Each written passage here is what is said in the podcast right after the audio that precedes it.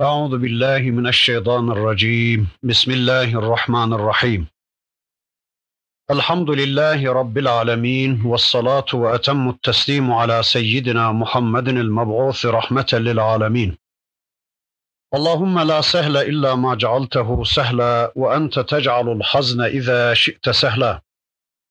اللهم علمنا ما ينفعنا وانفعنا بما علمتنا وزدنا علما برحمتك يا أرحم الراحمين. أما بعد بسم الله الرحمن الرحيم. ويل لكل همزة لمزة الذي جمع مالا وعدده يحسب أن ماله أخلده كلا لينبذن في الحطمه وما أدراك ما الحضمة؟ نار الله الموقدة التي تطلع على الأفئدة إنها عليهم مؤصدة في عمد ممتدة. صدق الله العظيم. Bu dersimizde inşallah Mekke'de Kıyamet suresinin hemen arkasında nazil olmuş ve kulluk kitabımız Kur'an-ı Kerim'in 104. sırasına yerleştirilmiş Hümeze suresi diye bilinen bir sureyle karşı karşıyayız. 9 ayetlik bir sureyle karşı karşıyayız.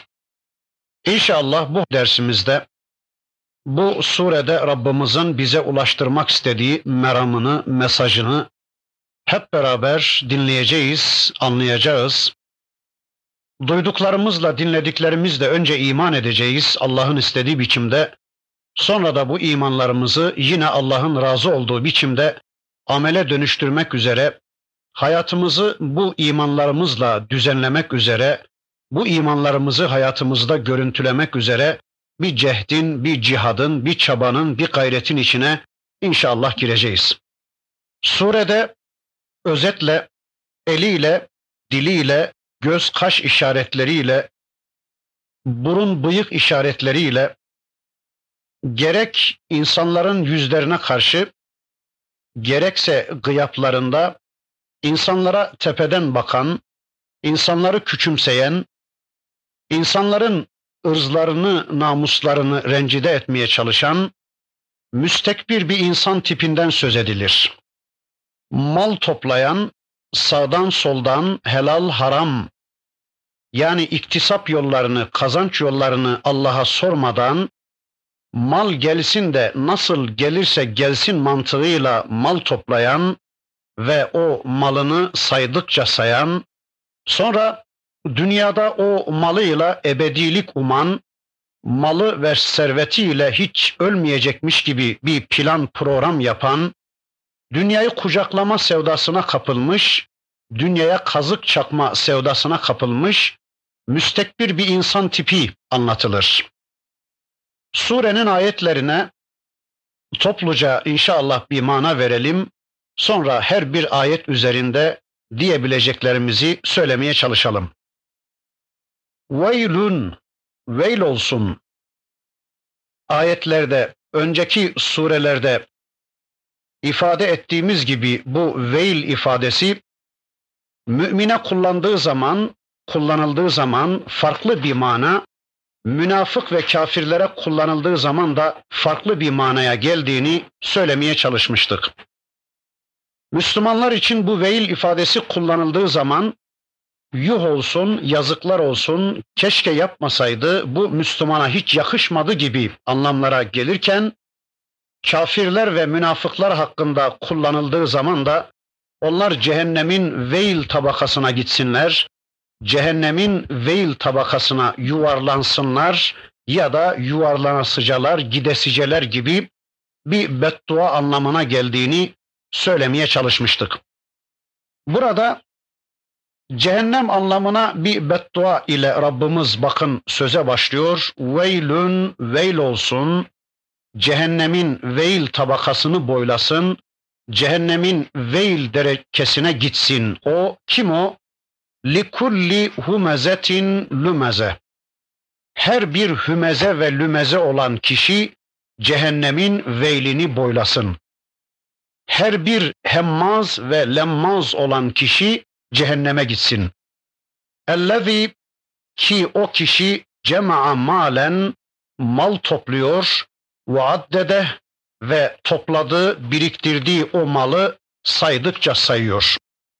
Yahsebu enne malehu ahlede bir de o kişi topladığı bu malıyla dünyada ebedilik hesap ediyor. Dünyada ebedi kalacağını zannediyor. Kella, hayır hayır.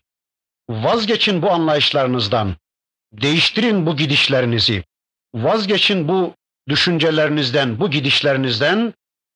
La yumbezenne fil hudame. Muhakkak ki yemin üstüne yeminle ifade ediyor Rabbimiz. O kişi yüzün kuyu baş aşağı hutamaya atılacaktır.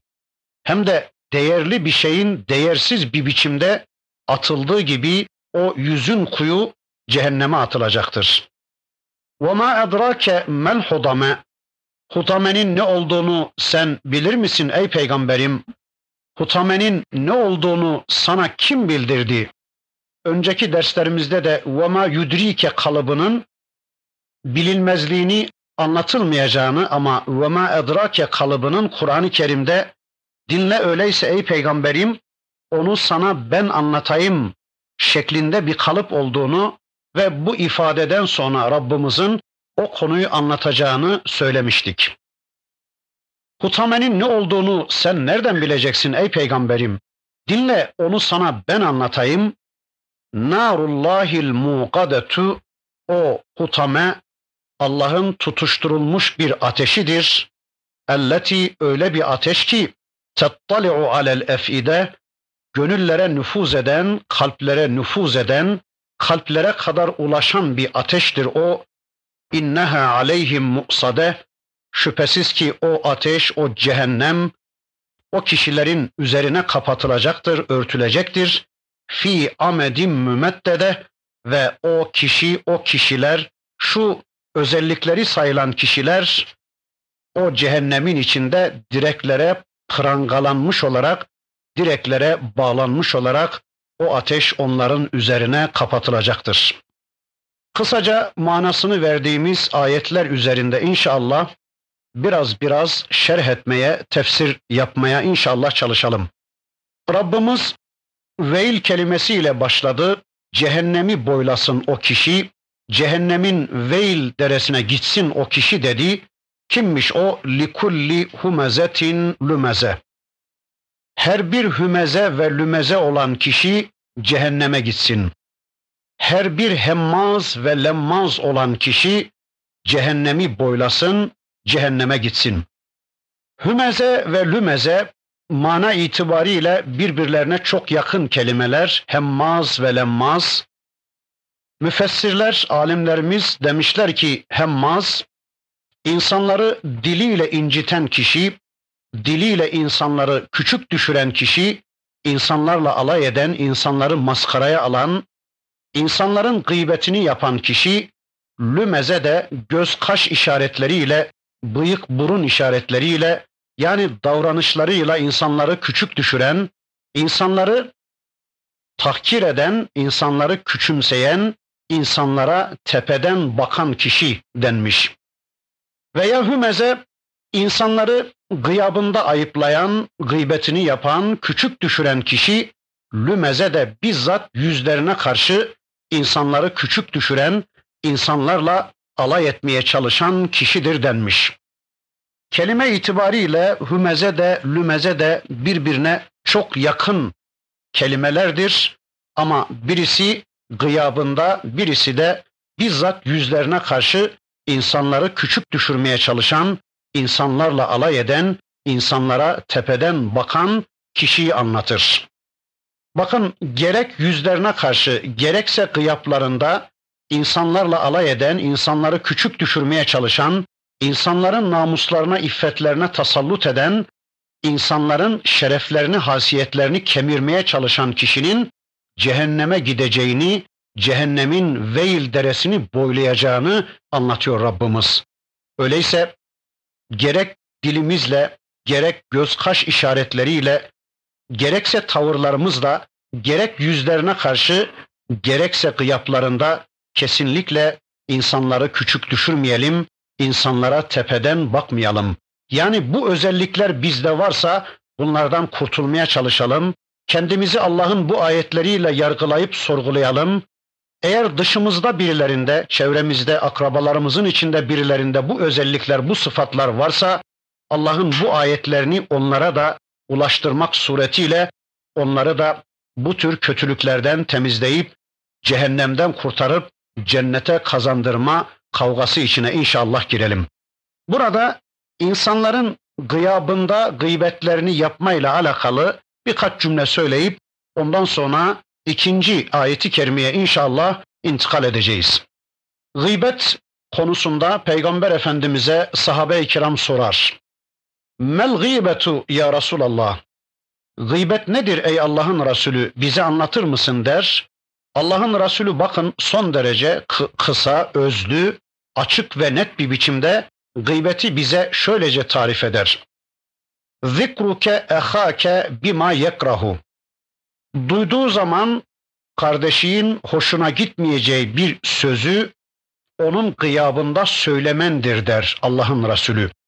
Yani burada olmayan bir kardeşimizi konuşmaya başlayacağız. Onun hakkında konuşmaya başlayacağız ve duyduğu zaman, kulağına gittiği zaman onun hoşuna gitmeyecek bir sözü, gitmeyeceği bir sözü onun gıyabında söylediğimiz zaman işte bu gıybet oluyor.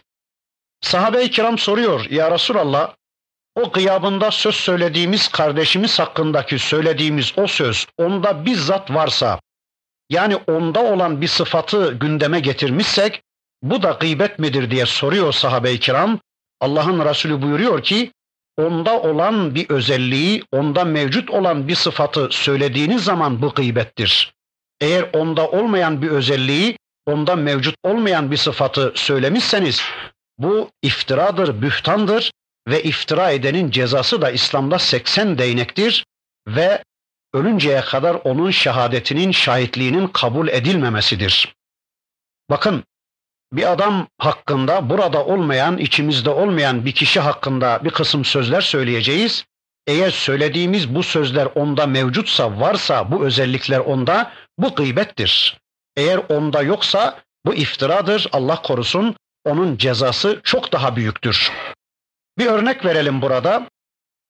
Bir gün Allah'ın Resulü Ayşe annemizin yanındayken öteki hanımlarından Safiye annemiz ziyaretine gelir. Bir ihtiyacının giderilmesi maksadıyla Allah'ın Resulü Ayşe annemizin evinde Safiye annemizi karşılar, ayağa kalkar, sırtındaki cübbesini çıkarır, Safiye annemizin yani hanımının altına serer peygamberimiz, onu izzetü ikrama boğar, ona teveccüh eder.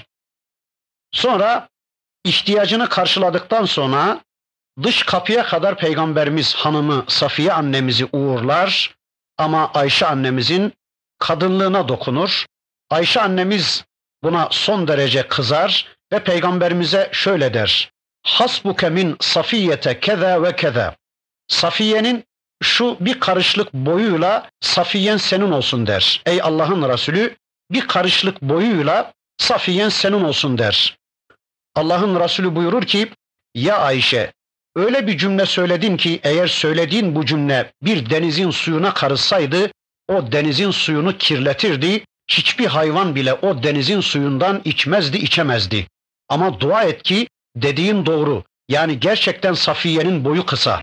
Eğer bir de dediğin şey onda olmasaydı, o özellik onda olmasaydı ben sana ne yapacağımı, nasıl davranacağımı bilirdim der Allah'ın Resulü. Bakın gıybet birisinin gıyabında konuşmadır ama onda olan sıfatlarla konuşmadır. Duyduğu zaman o kardeşimizin hoşuna gitmeyecek özellikleri ona izafe etmedir. İşte bu gıybettir. Bunu yapmayacağız.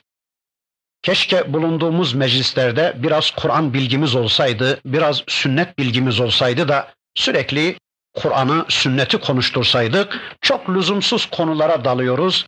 Birilerini ortaya atıyoruz, onun ölmüş etini yemeye çalışıyoruz. Kur'an-ı Kerim'de Rabbimizin bize beyan buyurduğu ve çile, gıyabında bir kişinin onda olan özelliklerini sayıp dökmek bile onun ölmüş etini yemeyle eş değerdedir diyor Rabbimiz. Öyleyse inşallah gıybet etmeyelim. bu tür hadisler gündeme geldiği zaman benim aklıma şu da geliyor. Bakın Allah'ın Resulü hanımı geldi diye hemen cübbesini çıkarıyor, altına seriyor. Onu izzet-ü ikrama boğuyor. Dış kapıya kadar da onu uğurluyor, ona teveccüh ediyor. Yani bilmem bizler bir gülümsemeyi bile hanımlarımıza layık görmüyoruz. Garip bir şey. Yani onlar bize hizmet ediyorlar. Onların hizmeti bize dönük ama biz maalesef onları insan yerine bile koymamaya çalışıyoruz. İşte Allah'ın Resulü'nün uygulaması, işte bizim tavırlarımız. E, ne yapacaksak yapalım, biraz biraz kadınlarımıza değer verelim. Bakın peygamberimizin başka bir hadisini de hatırlıyorum ben. Diyor ki Allah'ın Resulü, dünyadaki hizmetçileri sebebiyle cennetteki hizmetçilerini kaybedenlere yuh olsun diyor Allah'ın Resulü. Dünyadaki hizmetçileri sebebiyle cennetteki hizmetçilerini kaybedenlere yuh olsun. Kim dünyadaki hizmetçilerimiz? Kadınlarımız, çocuklarımız. Yani onları hayvan yerine koymayacağız, onları insan yerine koyacağız. Onlara izzeti ikramda bulunacağız, onlara güleceğiz, gülümseyeceğiz. Onların gönüllerini alacağız, onlara değer vereceğiz. Onları Allah'ın ayetleriyle tanıştıracağız. Onları cennetle, cehennemle tanıştıracağız. Böylece dünyadaki hizmetçilerimiz yüzünden cennetteki hizmetçilerimizi, hurilerimizi, gılmanlarımızı kaybetmemeye çalışacağız inşallah. Li kulli humezetin lümeze. Her bir hümeze ve lümeze cehenneme gitsin, cehennemin veil deresini boylasın. Ellezî ki o cema'a malen ve addede. O kişi mal topladı, mal topluyor ve onu saydıkça sayıyor. Bakın bu kişinin bir özelliği daha varmış. Yani bu kişinin istikbarının kaynaklandığı yer de burası. Zenginlik ve servet sahibi olmak. Yani gururu, kibiri buradan kaynaklanıyor. Ellezî cema'a malen ve addede. Adam mal topluyor ve addede onu sürekli saydıkça sayıyor. Bakın buradaki cema'a ifadesi bazı kıraatlarda cemma şeklinde okunmuş. Yani o zaman manası şöyle olacak. Sağdan soldan iktisap yollarını Allah'a sormadan yani kazanç yolunu Allah'a sormadan haram ya da helal olup olmadığına bakmadan mal gelsin de nasıl gelirse gelsin nereden gelirse gelsin mantığıyla mal toplayan, sürekli mal toplayan, mal biriktiren ve onu saydıkça sayan kişi. Adamın kıstası, üstünlük, alçaklık kıstası maldır. Değer yargısı maldır. Yani mal sahibi, mülk sahibi bir adam buna göre üstündür. Mal mülk sahibi olmayanlar bu kişiye göre düşük insanlardır, alçak insanlardır. Yani adamın kıstası mal mülk olduğu için gece gündüz mal mülk toplamaya yönelmiştir. Topladığı malıyla istikbar etmiştir yani kibirlenmiştir. İnsanlara tepeden bakmaya, insanları küçük görmeye başlamıştır. Halbuki Allah kıstaslarında malın, mülkün iman noktayı nazarından hiçbir değeri yoktur. Önceki derslerimizde de demeye çalıştım. Allah kimilerini mallı imtihan ediyor, kimilerini malsız imtihan ediyor. Hangisi üstün? Veya Allah kimilerine el vermiş, elli imtihan ediyor, kimilerine el vermemiş, çolak imtihan ediyor. Hangisi üstün? Elli kişi mi, elsiz kişi mi? Allah kimilerine göz vermiş, görüyor, kimilerini kör yaratmış, görmüyor ama. Hangisi üstün? Allah kimilerine dil vermiş, dilli imtihan ediyor, kimilerini dil vermemiş, tat imtihan ediyor. Hangisi üstün? Ne elli kişi elsizden, ne dilli kişi dilsizden, ne de mallı kişi malsızdan üstün değildir. Yani Allah katında mal mülk sahibi olmanın iman noktayı nazarından hiçbir değeri yoktur. Ama bu adamın kıstası, bu kişinin kıstası mal mülk olduğu için mal mülk toplamaya yönelmiş, mal topluyor ve addede bir de onu saydıkça sayıyor. Buradaki sayma işini şöyle anlamaya çalışıyoruz. Yani adam toplama adına, yığma adına mal kazanıyor, harcama adına mal kazanmıyor. Bir böyle anlıyoruz. Bir ikincisi bu adam gündüz mal topluyor, gece de onu sayıyor. Yani gecesini de gündüzünü de bu işe tahsis etmiş. Gecesini de gündüzünü de bu işe tahsis etmiş, gündüz mal topluyor, gece de onu saymakla meşgul. Önceki derslerimizde de ifade etmiştik yani adam dükkanını evine taşıyor. Bu çok kötü bir şeydir. Yani akşama kadar kendisi dükkanın, tezgahın kölesi olmuş, satılmış. Hiç olmazsa akşamleyin evine giderken koltuğunun altında çoluk çocuğuna iki ayet, iki hadis götürmesi gerekirken, akşamleyin evde başka şeyler konuşması gerekirken, dükkanı akşam eve taşıyor, çoluk çocuğunu da köleleştirmeye çalışıyor. Bu çok yanlış bir şeydir. Yani gündüz mal topluyor, gecede onu saymakla meşgul oluyor, konuşmakla, onu gündeme getirmekle meşgul oluyor. Bunun bir üçüncü manası da şudur. Yani mal topluyor ve bunu virdi zeban haline getiriyor. Yani dilinin zikri haline getiriyor. Gittiği her yerde bunu konuşuyor. Kazanıyor zaten. Kazanıyor da topluyor da bir de hem dilini hem gözünü hem kulağını hem beynini hem aklını hem kalbini sanki bu işin zikrine tahsis etmiş. Oturduğu yerde kazanmadan söz ediyor, kalktığı zaman kazanmadan söz ediyor, gittiği her yerde kazanmadan söz ediyor. Sanki mal toplamayı ve mal saymayı virdi zeban haline getirmiş. Yani dilin virdi, düşüncenin, aklın, kalbin virdi ve zikri haline getirmiş Allah korusun. Bir dördüncü manası adam malı topluyor ve onu saymakla meşgul oluyor. Yani adedini biliyor, adedi konusunda dikkatli davranıyor, sayma konusunu gündeme alıyor ama malın hukukunu, malın hakkını ihmal ediyor. Yani adedini muhafaza ediyor malın ama hukukunu zayi ediyor. Hukuk ne? Allah bu malı bize ne için verdi? Şu dört yere harcayalım diye. Kendimize harcayalım diye, çoluk çocuğumuzu ehlimize harcayalım diye, çevremizdeki Allah kullarına, Müslümanlara harcayalım diye, bir de hayvanlara harcayalım diye. Yani işte bu malın hukukudur. Yani malla nasıl bir ilişki içinde olacağımızı Allah belirlemiştir. İşte bu adam mal kazanıyor, kazandığını saydıkça sayıyor, miktarını muhafaza etmiş, adedini biliyor ama malın hukukuyla ilgilenmiyor.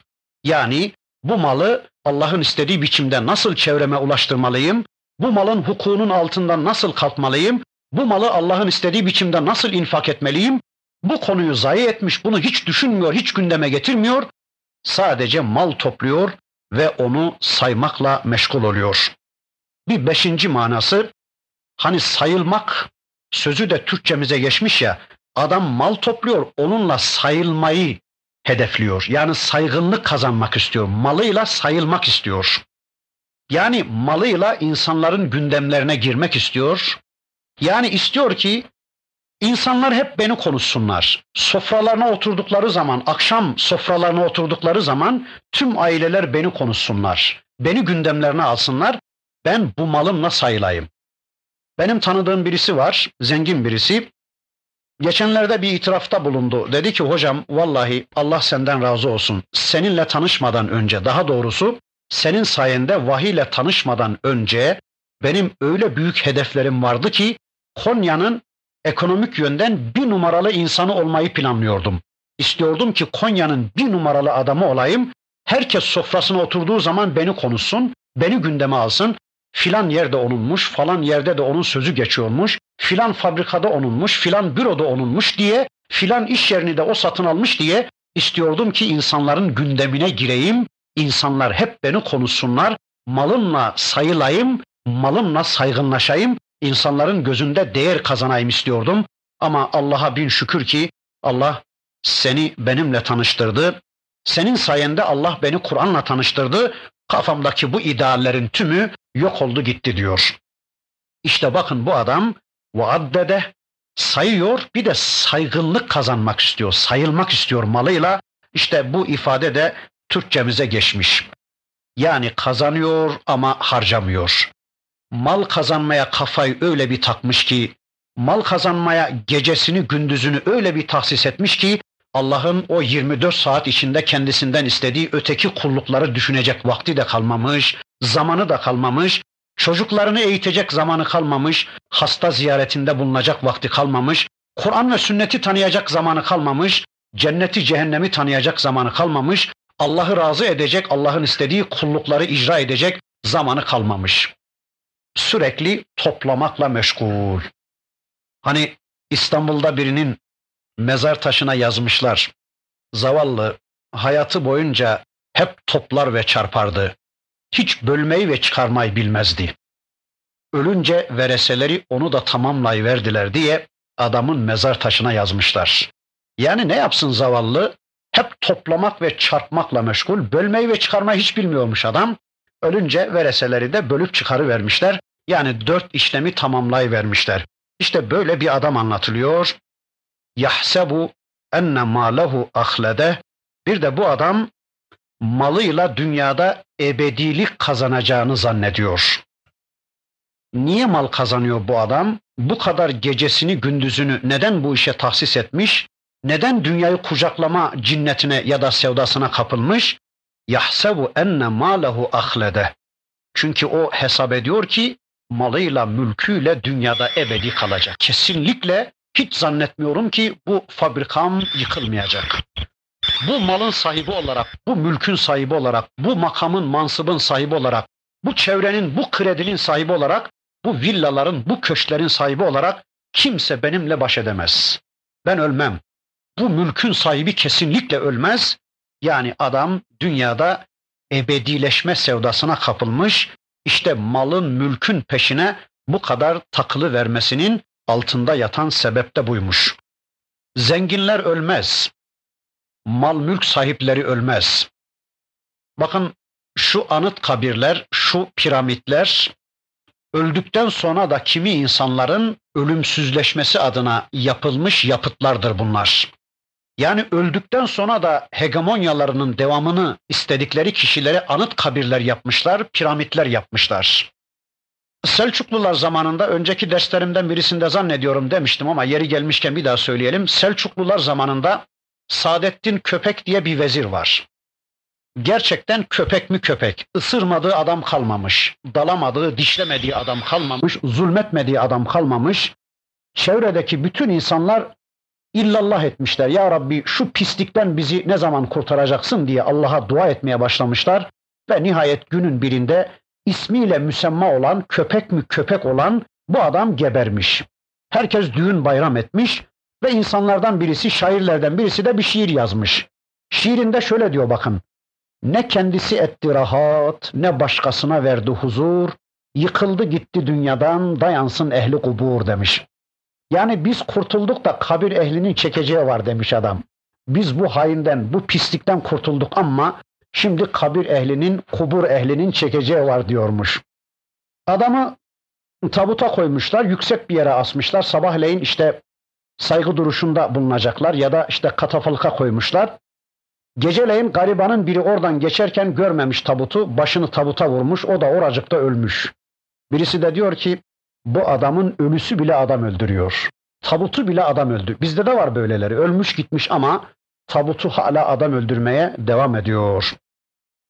İşte öldükten sonra da ölümsüzlüğünü işte öldükten sonra da ölümsüzlüğünü kazandırmak ya da öldükten sonra da hegemonyalarını sürdürmek için kimi insanlar için ölümsüzlüğü onlara izafe edebilmek için anıt kabirler yaparlar, piramitler dikerler ve bu tür insanları ölümsüzlüğe bu tür insanlara ölümsüzlüğü kazandırmaya, izafe etmeye çalışırlar. Karun diye de birisi var. Bilirsiniz Hazreti Musa'nın toplumundan birisi, çok zengin birisi. Bir gün paracıklarını dökmüş ortaya.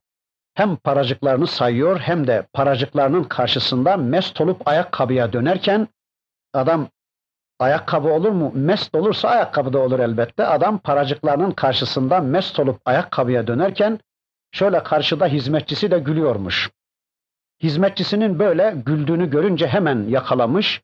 Demiş ki ne lan yoksa bu mallarımı, bu paralarımı çalmayı mı planladın? diye hizmetçiyi ezmeye başlamış. Hizmetçi yemin billah etmiş. Vallahi de billahi de efendim böyle bir niyetim yok.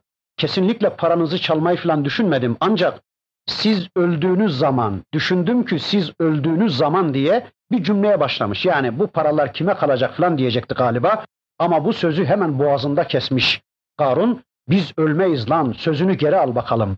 Ben ölmem, zenginler ölmez, paralılar ölmez. Ölecek olanlar sizlersiniz, biz kesinlikle ölmeyiz, ölmeyeceğiz diye hizmetçiyi ezmeye başlamış. İşte bakın burada da bu adamın mantığı da aynı. Allah diyor ki yahsebu enne malehu ahlede. O kişi hesap eder, zanneder ki malıyla dünyada ebediliği kazanacak, hiç ölmeyecek, hiç ölüm gelmeyecek, hiç hesap kitap gelmeyecek, kimse kendisiyle baş edemeyecek, böyle hesap eder. Kella, hayır hayır, vazgeç bu anlayışlar, vazgeçin bu anlayışlarınızdan, değiştirin bu kanaatlerinizi. Le, yemin bakın, lam, tekit lamı, bir de le yumbezennenin sonunda da bir tekit nunu gelmiş. Bir de kella üç tane yeminle söylüyor bakın Allah. Yemin olsun, yemin olsun, yemin olsun ki le yumbezenne fil hudame böyle düşünen kişi, böyle yaşayan kişi, insanlara tepeden bakan kişi, eliyle, diliyle, göz kaş işaretleriyle, servetiyle, samanıyla insanları küçük gören, insanların gıybetini yapan, insanların namuslarını, iffetlerini kemirmeye çalışan, insanlara tepeden bakan, mal toplayan, malı saydıkça sayan ve malıyla dünyada ebedi kalacağının hesabına giren kişi var ya, o kişi leyum bezenne fil hutameti baş aşağı ya da yüz, yüzün koyu o hutameye atılacaktır. Nebeze kelimesi değerli bir şeyi değersiz bir biçimde atmak anlamına gelir. Allah diyor ki leyum bezenne fil hutame. Hani o kişi kendini değerli zannediyordu. Malıyla değerlendiğini zannediyordu. Malı mülkü sayesinde değer kazandığını zannediyordu. Hem değerli zannettiği kendisi hem de kendisiyle değer kazandığı zannettiği malı, mülkü baş aşağı, yüzün koyu o hutameye atılacaktır. Gerçi ayetin bundan sonraki devamında hutamenin ne olduğunu Allah söyleyecek ama kelime manası olarak bir iki cümle söyleyelim. Hutame kırıp geçiren anlamınadır. İçine atılan şeyi kırıp geçiren bir ateş demektir. Sanki adamın tavrına münasip bir azaptan söz ediyor Allah. Bu da insanları kırıp döküyordu ya, bu da insanlara tepeden bakıyordu ya, bu da insanları maskaraya alıyor, alaya alıyordu ya, insanları küçük düşürmeye çalışıyor, tepeden bakıyordu ya, işte kendisini kırıp dökecek, kırıp geçirecek. Hatta Peygamberimizin bir hadisinden öğreniyoruz ki bu ateşin başında olan zebaniler hani bir adam odunu veya bir şeyi kıramaz da destek olarak dizini kullanır, dizinde kırmaya çalışır ya işte bu adamları şöyle ellerine alıverecekmiş Allah'ın zebanileri dizlerinde kıracakmış ikiye sonra bir daha kıracakmış dörde sonra bir daha kıracakmış sekize hani odunu kırar kırar da ateşe öyle atarsınız sobaya öyle atarsınız ya işte bu adamlar zebaniler tarafından belinden, göksünden, her yerinden kırıla kırıla sanki kırılmış odunlar gibi ateşe atılacaktır. Allah diyor ki bakın وَمَا اَدْرَاكَ مَا الْحُطَمَ Hutamenin ne olduğunu sen biliyor musun ey peygamberim? Nereden bileceksin sen? Yani aklını kullansan, birilerini imdadına çağırsan, göğe bir merdiven dayasan çıksan, yerin karına insen, hutame konusunda bilgi elde edebilir misin? Nereden bileceksin hutamenin ne olduğunu? Dinle öyleyse hutameyi sana ben anlatayım diyor Rabbimiz. Neymiş hutame? Narullahil muqadetu. O Allah'ın tutuşturulmuş bir ateşidir. Alev alev yanan Allah'ın bir ateşidir. Dikkat ederseniz burada narullah ifadesini görüyoruz. Allah'ın ateşi. Ateş kelimesi, nar kelimesi, cehennem kelimesi, cahim kelimesi Kur'an'ın her yerinde geçer ama ateşin Allah'a izafe edilmesi, Allah'ın ateşi sözü Kur'an'da sadece burada geçer. Allah'ın ateşi sözü ifadesi Kur'an'da sadece bu surede geçer. Acaba niye Allah ateşi böylece kendine izafe etmiş? Allah'ın ateşi sözünü kullanmış, işin ciddiyetini ortaya koymak için, yani ateşin, azabın şiddetini anlatmak için Rabbimiz Allah'ın ateşi buyurmuş. Yani dünyada da sizlerin ateşleriniz var. Dünyada da insanlar ateş yakarlar ama Allah'ın ateşi farklıdır. Allah'ın belası demek gibi. Dünyada da insanlardan bir kısım belalar, azaplar gelebilir ama Allah'ın azabı nasıl farklıysa Allah'ın şanına layık bir azabı, Allah'ın şanına layık bir ateşi vardır. Sakın ha dünyadaki ateşlere Allah'ın ateşini benzetmeyin. Dünyadaki ateşler kendilerine atılan maddi şeyleri yakar sadece ama Allah'ın ateşi hem maddeyi yakar, hem duyguyu yakar, hem düşünceyi yakar, hem niyeti yakar, hem kalbi yakar, hem sineyi yakar. hem maddeyi hem de manayı yakar. İşte Allah'ın tutuşturulmuş bir ateşidir o. Peygamberimizin bir hadisinden öğreniyoruz ki Allah'ın Resulü şöyle buyuruyor. Allah'ın bu ateşi yani cehennem ateşi bin yıl yakıldı, kızartıldı, kırmızı hale getirildi. Sonra bin yıl daha yakıldı, bembeyaz hale getirildi. Bilemiyoruz, anlayamıyoruz nasıl beyazlaşır Allah'ın ateşi. Sonra bin yıl daha yakıldı, simsiyah hale geldi diyor Allah'ın Resulü. İşte böyle bir ateşten söz ediliyor burada. Dayanılması mümkün olmayan bir ateş. Biz cehennemi tanımıyoruz.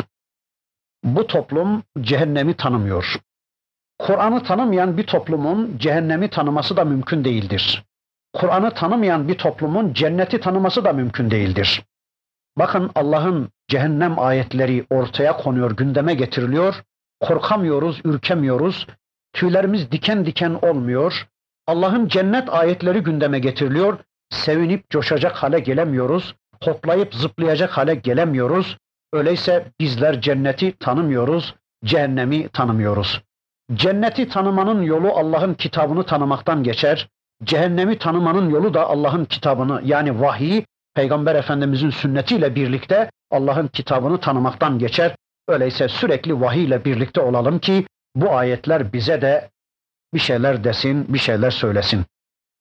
Allah'ın ateşi hem de tutuşturulmuş bir ateş. Bu adam insanların gıybetini yaparak etlerini, kemiklerini yiyordu. Şimdi de kendisinin etini, kemiğini yiyecek bir azabın içine gidiyor.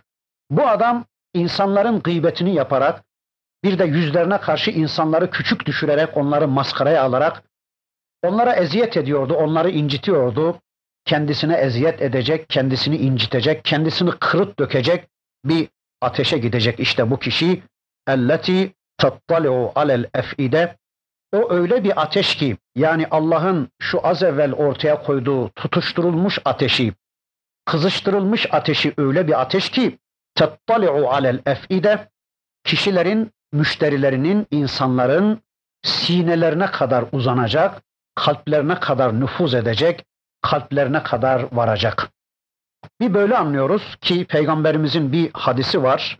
Diyor ki Allah'ın Resulü cehennemde yapılabilecek en hafif azap kişinin ayağının altına bir nalin, bir takunya giydirilecek ateşten sonra onun hararetiyle o kişinin beyni fokur fokur kaynamaya başlayacak diyor Allah'ın Resulü. Allah korusun.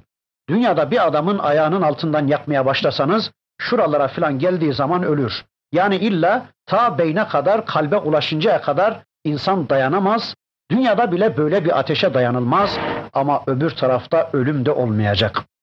Sürekli ölümü temenni ettiren bir azabın içinde adam yanacak. Sürekli ölümü temenni ettiren bir azabın içinde, ölüm azabının içinde ama ölüm de gelmeyecek, ölemeyeceklerde. Kur'an'ın başka yerlerinde görüyoruz ki bu ateşin dayanılmaz ateşin içindekiler cehennemin meleklerine dua edecekler. Şöyle yalvaracaklarmış. Dua edin de Allah bizim için bir ölüm hükmetsin. Allah hükmetsin de bize bir ölüm göndersin. Bir rahat nefes alalım, bir kurtulalım diyecekler. Ama Allah diyor ki onlar için ölüm öldü. Ölüm bitti. Onlar ölemeyecekler. ثُمَّ لَا يَمُوتُ ف۪يهَا وَلَا يَحْيَا Orada ne yaşayabilecekler ne de ölebilecekler. Buna yaşamak denmez, buna ölüm de denmez. Yaşamak denmez ki, yaşamak yok ki onlara yaşasınlar, ölüm de yok ki onlara rahat bir nefes alsınlar. Kur'an'ın başka yerlerinde Allah anlatır. Kullama nazicet culuduhum beddelnahum culudan gayraha liyazukul azab. Onların derileri yandıkça yeni bir deri giydireceğiz diyor Allah. Azabı sürekli tatsınlar diye, azapları bitmesin diye. İşte Rabbimizin bu ayeti kerimesinden şunu anlıyoruz. Birinci olarak elleti tattali'u alel ef'ide kalplere kadar uzanacak, sinelere kadar nüfuz edecek, o bölgeye kadar ulaşacak bir azaptan söz ediyor Rabbimiz bu bölümde. Bir de ayetin şöyle bir manası var. Anlıyoruz ki bu tür ayetlerden anlıyoruz ki cehennem sanki şuurlu bir varlık. Yani cehennem müşterisinin neresine el atacağını, neresinden azap etmeye başlayacağını çok iyi biliyor. Sanki cehennem şuurlu bir varlık. Kur'an'ın başka yerlerine baktığımız zaman mesela bir yerde diyor ki Rabbimiz inne cehenneme kânet mirsada. Şüphesiz ki cehennem pusu kurmuş müşterilerini beklemektedir. Yani cehennem müşterilerini tanıyor. Hatta yine başka bir yerde Rabbimiz ifade ediyor. Uzaktan müşterilerinin çıktığını görünce tagayyuzan ve zefira yapmaya başlar. Yani kükremeye başlar cehennem. Müşterilerini tanımaktadır simalarından, müşterilerini bilmektedir. Şuurludur cehennem. Tıpkı bir insan gibi ne yapacağını, ne edeceğini bilmektedir. Yine Kaf suresinde anlatıldığına göre Allah buyurur ki biz cehenneme soracağız. Helim tele'ti doydun mu ey cehennem? Doldun mu? Daha ister misin? Cehennem diyecek ki bakın bir insan gibi helmin mezid. Daha var mı ya Rabbi? Daha ziyadesi yok mu ya Rabbi? Bugün öyle coştum ki bir türlü doymak bilmiyorum. Bu sığır sürüsü tipli insanlardan, bu kütük tipli insanlardan daha yok mu ya Rabbi? Daha yok mu ya Rabbi diyecekmiş. Veya bunun bir ikinci manası da helmin mezid. O kadar insan atılacakmış ki cehenneme, cehennem bile şaşıracakmış hayretinden şöyle diyecekmiş. Daha mı var ya Rabbi? Bitmedi mi ya Rabbi? Bunların sonu gelmedi mi ya Rabbi? Daha var mı bunlardan ya Rabbi diye cehennem bile hayretini ortaya koyacakmış. Bakın işte burada da bu şuurlu varlığın müşterilerinin neresine ilk defa el atacağı anlatılıyor. Elleti tettali'u alel ef'ide. O ateş öyle bir ateş ki müşterilerinin kalbine uzanacak, kalbine el atacak, kalbine pençesini atacak. Neden? Çünkü kalp kişide iman ve küfür makamıdır. Kalp kişide kabul ve ret makamıdır. Kalp kişinin sorumluluk merkezidir. Hani Kur'an'ın başka bir yerinde Rabbimiz öyle diyordu. İnne sem'a vel basara vel fuada kullu ulaike kana anhum mes'ula. Göz, kulak ve kalp bu işten mesuldür diyordu Rabbimiz. Yani kalbin dışa açılan iki penceresi var. Göz ve kulak.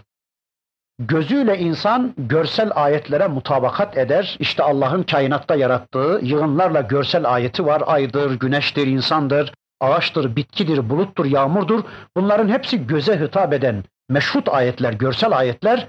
Kulak da şu metlu ayetler dediğimiz işitsel ayetlere mutabakat eder.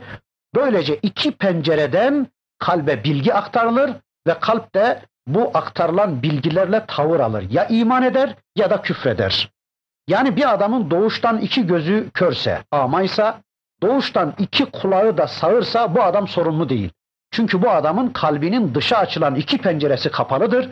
Bu adamın görsel ayetleri görmesi ve işitsel ayetlere de mutabakat etmesi mümkün olmadığı için bu adamın kalbine bilgi de aktarılmadığı için bu adam mükellef değildir dinde, sorumlu değildir.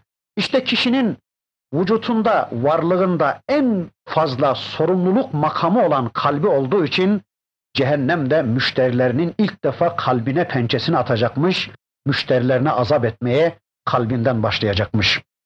İnneha aleyhim muksade şüphesiz ki o cehennem, o ateş onların üzerine kapatılacak, üzerlerine örtülecektir. Yani cehennem onların üzerine kapatılacak.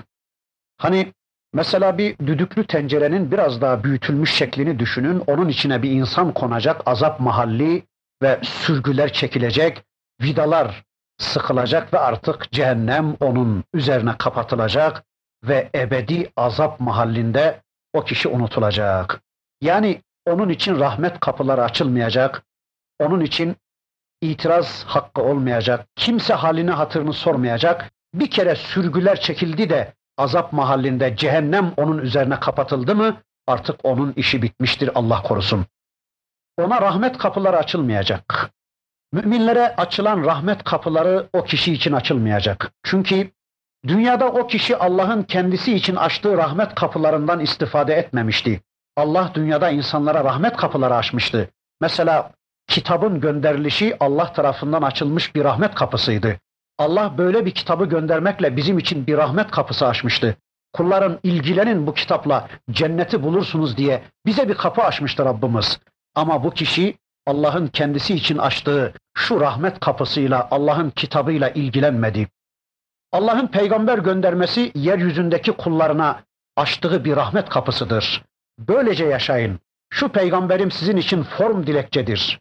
Bunun gibi kulluk edin, bunun gibi yaşayın diye sizi cennetime koyacağım, sizi rahmetime erdireceğim diye Allah bir peygamber göndermek suretiyle, her dönem peygamberler göndermek suretiyle kullarına rahmet kapılarını açmıştı ama bu kişi Allah'ın gönderdiği elçilerinin örnekliliğini kabul etmeyerek, elçilere iman etmeyerek Allah'ın açtığı bu rahmet kapılarından da istifade etmesini bilmemişti.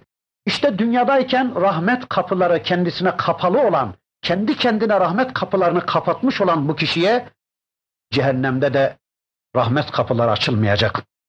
Cehennem bu kişinin üzerine kapatılacak. Fi amedim mumeddede bir de üstelik yani cehennem kapatılmış, sürgüleri çekilmiş ve cehennemden çıkma ihtimali hiç kalmamış. Ama eğer milyarda bir ihtimal o cehennemden kurtulma ümidi varsa bu kişide o ümit de yok olup gitsin diye o cehennemin içinde direklere de bu kişi prangalanacak, direklere de zincirlerle bağlanacakmış. Müthiş bir ifade. Yani cehennem zaten kapatılmış, çıkması mümkün değil. Bir de ayrıca cehennemin içinde direklere bağlanıyor, prangalanıyor ki milyarda bir ümidi varsa çıkma ümidi o da yok olup gitsin, o da silinip gitsin diye. Veya bunun bir ikinci manası cehennem kapatılacak, sürgüleri çekilecek.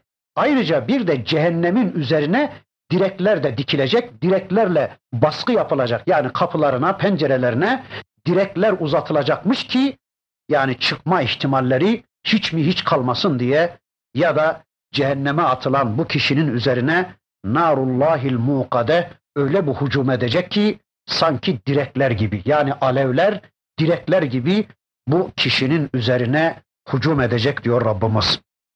Allah korusun. Bu sureyi Allah bize niye anlatıyor? Eğer şu özellikler bizde varsa bunlardan kurtulalım diye. Eğer bunlar bizde yok da çevremizdekilerde varsa, eşimizde, dostumuzda, karımızda, kızımızda, amcamızda, dayımızda, ekmek aldığımız, su verdiğimiz, merhaba dediğimiz, yani münasebet kurduğumuz çevremizdeki Allah kullarında bu özellikler varsa, süratlice bu surenin ayetlerini o kardeşlerimize de uğraştıralım, onları da cehennem ateşinden kurtaralım diye Rabbimiz bu sureyi bize ulaştırıyor. Kimmiş bu adam? Son olarak bir daha özet yapıp inşallah bitirelim.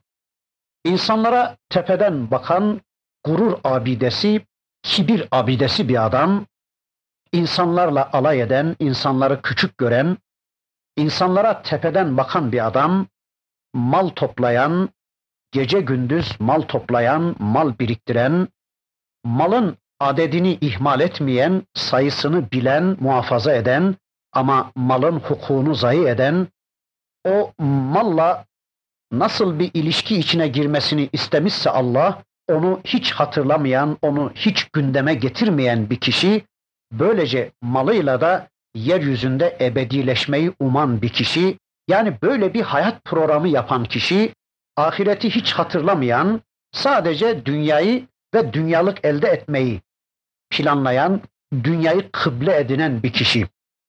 Bu kafirler de olabilir, bu kişi kafir de olabilir.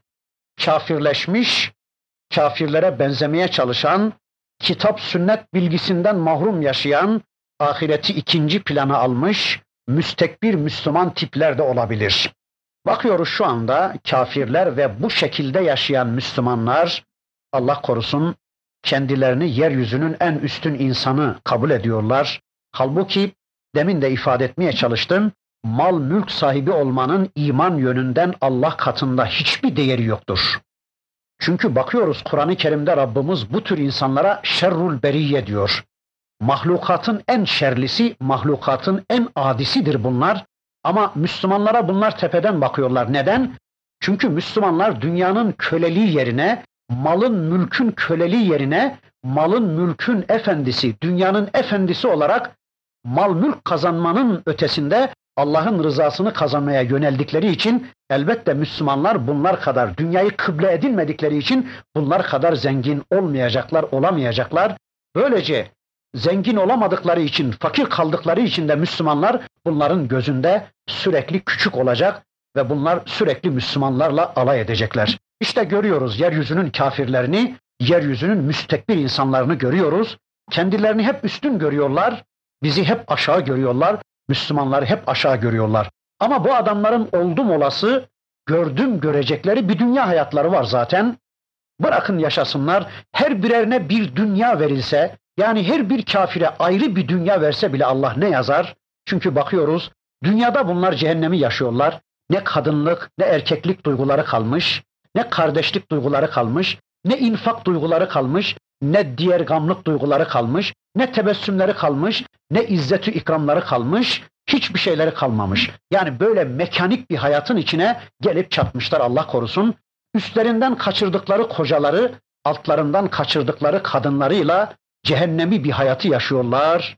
Ama bu hayat da kendilerine süslü gösterildiği için Müslümanlara tepeden bakıyorlar. Ey Müslümanlar! Bu kafirlere özenebileceğimiz hiçbir yönleri yoktur. Unutmayalım. Sakın ha sakın bu kafirler, bu zenginler karşısında hiç mi hiç aşağılık duygusuna kapılmayalım. Aşağılık psikozuna kapılmayalım. Bunlara imrenmeyelim. Çünkü bunların sevinebilecekleri, övünebilecekleri bir tek şeyleri bile yoktur. İman bizde, hidayet bizde, Kur'an bizde, sünnet bizde, Kur'an sünnet bilgisi bizde, ahiret kazancı bizde, hidayet bizde, insanlık bizde, fedakarlık bizde, ilim bizde, her şey bizde. Öyleyse bunlar karşısında kesinlikle aşağılık duygusuna kapılmayalım. Bunlara özenmeyelim, imrenmeyelim. Bunların hayatları, bunların varlıkları karşısında sakın gözlerimiz kamaşmasın. Çünkü oldum olası, gördüm görecekleri işte bir dünya hayatları var. Öldükleri andan itibaren soluğu cehennemde alacaklar. İşte bu suresinde Rabbimiz son derece açık ve net bir biçimde bu hususu bize anlattı. İnşallah gelecek dersimizde Asır suresini tanımaya başlayacağız. İnşallah en azından bir iki tefsir kitabından Asır suresini birlikte çalışır gelirsiniz. Bu sureyi tanımaya Allah imkan verir inşallah. Allah hepinizden hepimizden razı olsun. Velhamdülillahi Rabbil alemin. El Fatiha.